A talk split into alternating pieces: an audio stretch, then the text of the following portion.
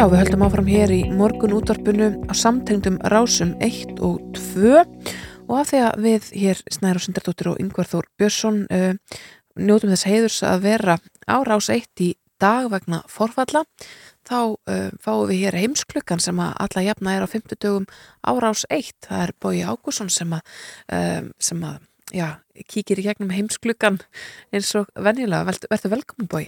Já, kæra þakkir. Ég vona að það finnst ekki verið að vera svona hýna með gangin. Sko, Snærós, uh, ég er nú búin að sitja á 50. morgnum uh, og uh, vera að uh, spjallaði meðlend málefni. Mér minnir frá því 2009 að þá byrjaði þetta á Rás 2 Já. og um, það var Margret Martinsdóttir sem að uppháðlega til þess að uh, spjalla stuttlega, þá var þetta nú kannski ekki nefnum svona tíu myndu, núna er þetta á milli, á milli frétta getum við sagt frá 8 til, til hálf nýju mm. og, og Óðin Jónsson uh, breytti, bjóð svo til sérstakt nafn yfir já, þetta já. spjall og, og kallaði heimsklukan. Það má þá segja að þú sitt komin heim. Að því leitinu til má svo sem segja það. Já. Þannig að mér líður ekki til á rástöða. En það var uh, Ég var raunar meðal fyrst, allar fyrstu starfsmann Rástöð á fyrsta útsendingadegi, fyrsta desember 1983, þá var ég með ásand Guðmundi Inga uh, Kristjánsinni uh, með þátt sem að hétt Gullöldin og við spilum þá eldgamla tónlist, hún var 20 ára gommul, það voru bílalög og, og annað slikt. Þannig að Rástöð og, og, og ég erum ágættir vinn og er mjög lengi. Gott, gott að heyra. Hvað ætlar að segja ykkur í dag? Svona aðalega hafði ég miða við það að tala um Úkrænu og viðbröðin við innrás og rússa stöðuna eins og hún er núna og því með ég bara að spyrja í, í, í raunni mm. það er það er svo óskaplega margt sem er að gerast þarna mikið lóks sem að stæða að mm. og svo í lókina þá langar mig að spila upptöku frá symfóníu tónleikum Symfóníu Ljóðsveitar Íslands í grænu tónleikaröðinu sem var í sjónvarpinu í beinni útsendingu í gær.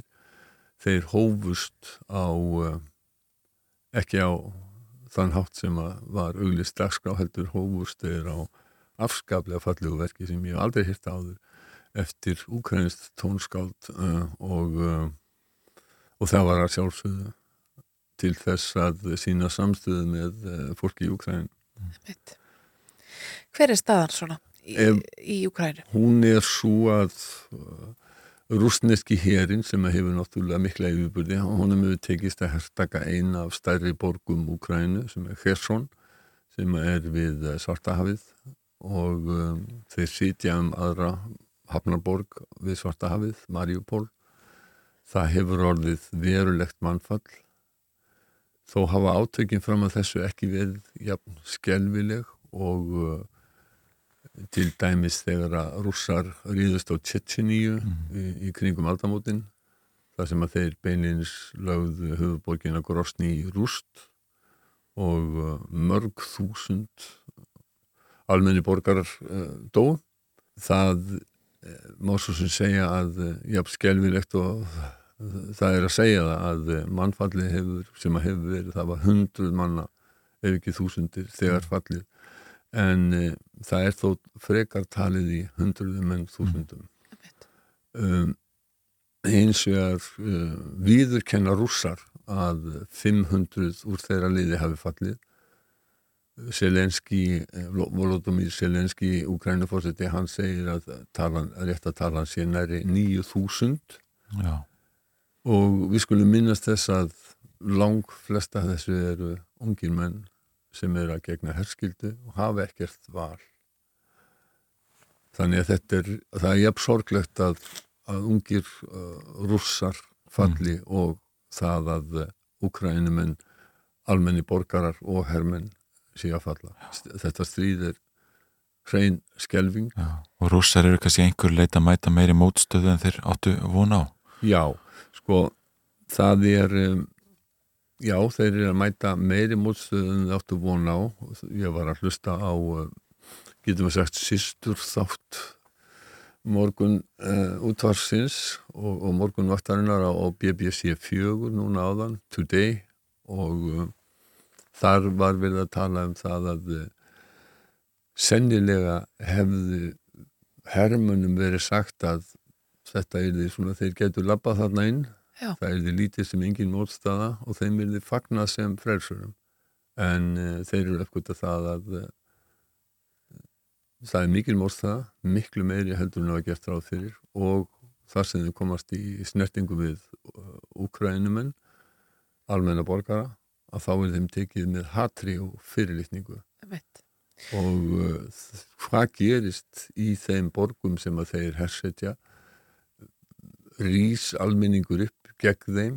Við höfum síðan margar fréttir af því þar sem að fólk er að búa til molotov koktela og uh, mun almenningur reynlega að fara út á göttu og henda molotov koktelum í rúsnesk herfaradæki uh, við vitum það ekki en það þetta gæti farið á allra versta mögulega hátt vegna þess að þá þá radikaliserast menn í, í báðaráttir og rússarnir ef að þeir lenda í því alveg sama hversu velmeinandi ungur hermaðu þú ert ef það er verið að drepa þig og félaganina með því að henda múlut og koktelum að þér að þá svara þér Já, fórherðist bara.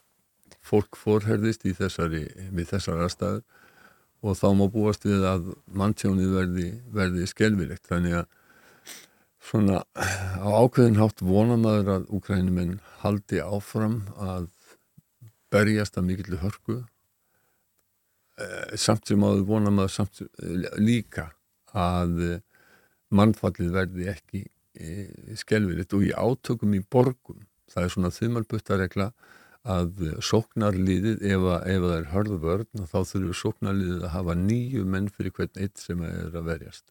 Og átök, átök í borgum eru yfirlt alltaf skelvileg og eins og mennilega þá er það almenni borgarar konur og börn sem að verða vest úti í, í þessum átökum.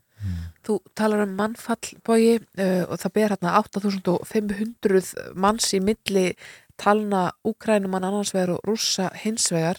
Sko, já, við sem að viljum einhvern veginn svona uh, bara að, að, það sem að staðrindina komi fram, eigum við að fara þarna einhvern milliveg eða, eða eigum við frekar að hallast að tölunum sem að úkrænumenn uh, gefa út Hvað, við skulum, hvernig metum maður svona sannleiksgildi í þessari talna? við skulum ganga út frá því að það bæri eitthvað nýrra við ef að eh, tölur sem að sóknaraðilin víður kennir að séu raunverulegar, þeir hafi mist 500 mann, það, það bæri nýrra við ef að það, ef að svo tala væri ekki miklu herri. Já.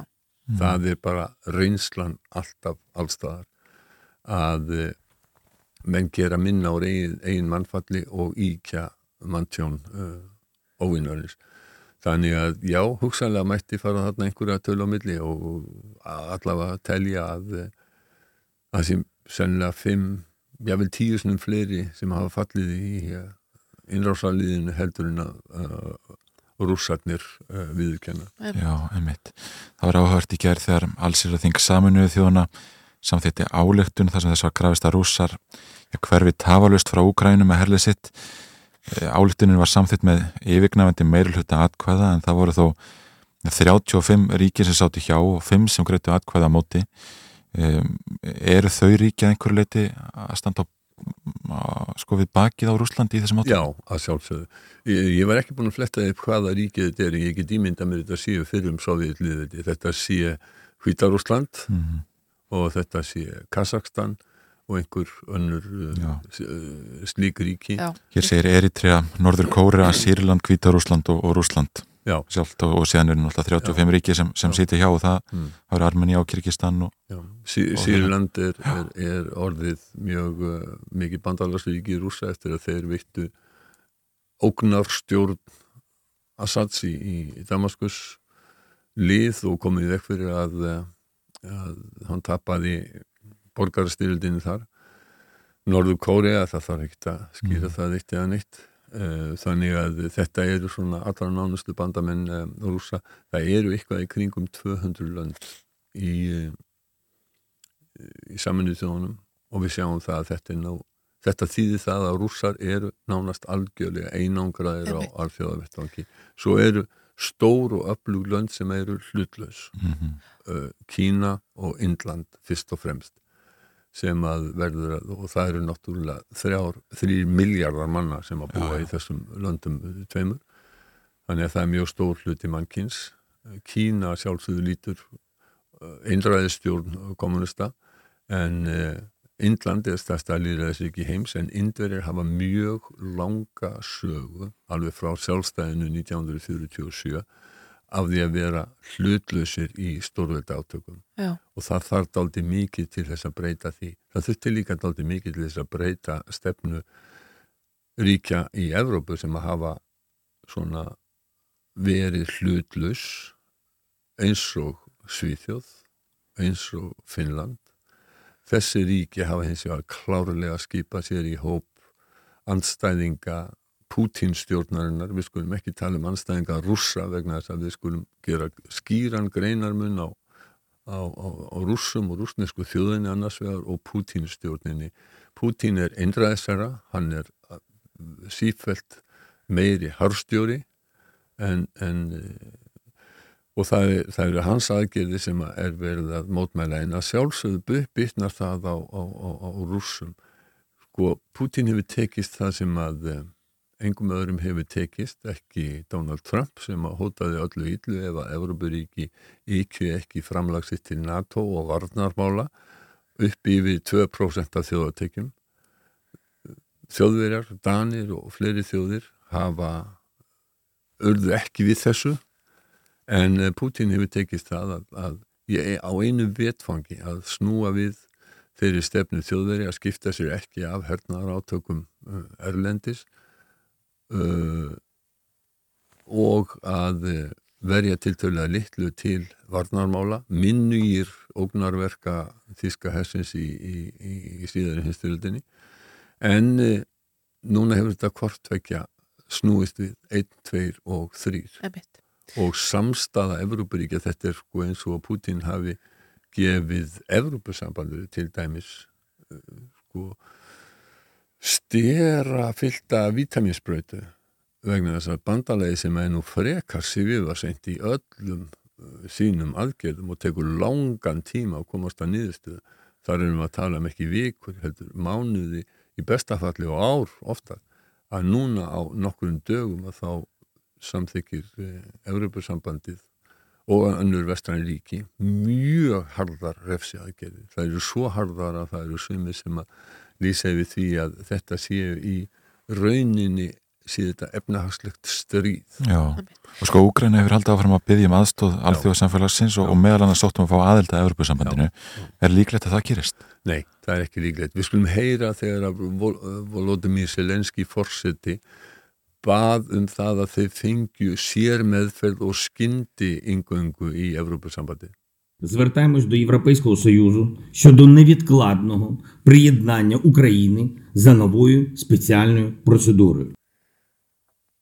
Spesiali prosedúri, segir hann, og um, það er hins vegar yngar líkur á að Evropasambandi verði við þessu og uh, uh, það er nú svo að uh, ég var að hlusta á, á í, í danska útvarpinu í gær, þar var í, í morgun þætti þeirra, þar var rætt við Jakob Tolstrup sem að er professor og sérfræðingur í háskólinni Árósuminni sem að sagði það að það, þetta myndi gerast Evrópussambandi hefði einu sinni íhugað að hafa einhverja svona hrað intöku og það var þegar að Íslendingar uh, voru í umsóknarferli Já. sem var síðan náttúrulega var dreigið tilbaka með stjórnarskiptum 2014 uh, en það væri mjög ólíku að saman að jafna Íslandi og Ukrænu heyrum i Jakob Torstrup Nej, der findes ikke sådan en, en, en særlig procedure, hvor man kan få en forlom og komme, komme forrest i, øh, foran i køen.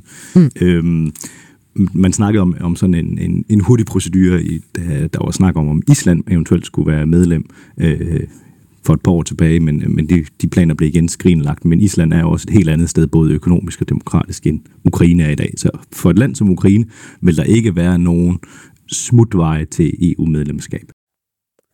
það verða það verður engin hraðleiðin í Evropasambandi því miður og þeir er um að alþjóðlega aðstof en svo er náttúrulega líka ljóst fyrir þá sem ekki vita að Atlasasbandalagið mun ekki, mun ekki skipta sig að þessum átökum að öðru leiti heldur en því að senda vopp til Úkrænumanna og þau fara ekki beint til Úkrænu, þau fara til Pólans og Úkrænumenn þurfa að sækja þau þanga Já. vegna þess að ef við sendum vopp beint til Úkrænu að þá væri hægt að líta á það sem beina hernaðar aðgerð gegn, gegn rússum. Og þá erum við komin í allt, allt, allt aðra aðrar aðstæður í, í heiminum og miklu, miklu hættulegri heldur en að þær eru uh, núna. En sko þessi átök snúast það ykkur liti um svona, já, vilja úkrænumanna til þess að ganga inn í NATO uh, verður sko, verður ykkur hrað aðeld veitt að allans bandalæðinu fyrir þá? Nei, sko bandaríkjaman gáði það í skín 2008 búsingri fórseti að rétt á hann að hann hætti að úkrænumenn uh, ættu möguleika á yngöngu í eh, NATO. Já. en á þeim tíma þá komuð þjóðverjar í vekk fyrir það og ég, það, það stóð ekki til að allarsasbandalæði NATO að það hlifti úkrænumönnum minn það var allt og mikið sem að stóð í veginum þar á meðal þau átök og það stríð sem að verið hefur í austurluta Úkræninu frá, frá 2014 það, það, kom, það kom aldrei til greina að, að það gerðist En um, það sem að mig langar að gera núna er að uh, benda ykkur á að uh, það er uh, víða um heim mm. sem er verið að beita rúsa mjög harkalegum refsiðagjörðum og eins og ég talaði um áðan, talaði um jáfnvel efnahagslegt stríð Já. og meðal þess sem að er verið að gera er verið að útiloka fólk við höfum áðan að, að, að Íþróttamenn frá Hvítarúslandi og Rúslandi fá ekki að taka þátt í olimpíumóti fallara rúsneskir listamenn verða fyrir þessu barðinu en við skulum ljúka þessu spjalli með því að minnast á að íslenski tónlistamenn eru virkið í að fjalla um þessa skelvilu atbyrði og það er Facebook síða sem heitir We Sing for Ukraine. Eh, það sem að leikið er eh, Heyr himnasmiður eftir Þorkjell Sigur Björnsson um, og skulum minnast líka það að það er samstöðu söngur fyrir utan uh, rúsnarska sendiráðið mhm. klukkan núna bara á eftir eftir rúman hálftíma. En ég vil gætna ljúka þessu á því að spila verk sem hafa leikið í upphafi symfónið tónleikana í gerðkvöld verk sem hafa ekki á efniska og við skulum heyra Höllu, Odni, við skulum heyra kynningu Höllu Odnijar Magnúsdóttur á tónleikunum í gerðkvöldu og rétt að ég taki það fram að, að ég klifti út þögn sem að ríkti aðurina symfóni en hófa leika sálminn Sofðu Jésu. Við sem stöndum og setjum hér á þessu sviði erum ekki ónæm fyrir þeim skelvelegu atbyrðum sem nú eiga sér stað á heimsviðinu. Við ætlum þess vegna að hefja þessa tónleika á verki sem ekki var auglýst í efnisgrá litlum sálmi úr smiðju úkrænska samtíma tónskáldsins Valentíns Silvestrovs. Verkið er uppálega samið sem eins konar vögguvísa fyrir sjálft Jésúbarnið og á þannig ágætlega við þegar við sínum samhug þeim smáu og varnalösu sem stríð bytnar æminlega harðast á. Nú skulum við sitja hljóð í augnabliks andagt og heyra sálminn hans Silvestrovs Sofðu Jésú. Thank you.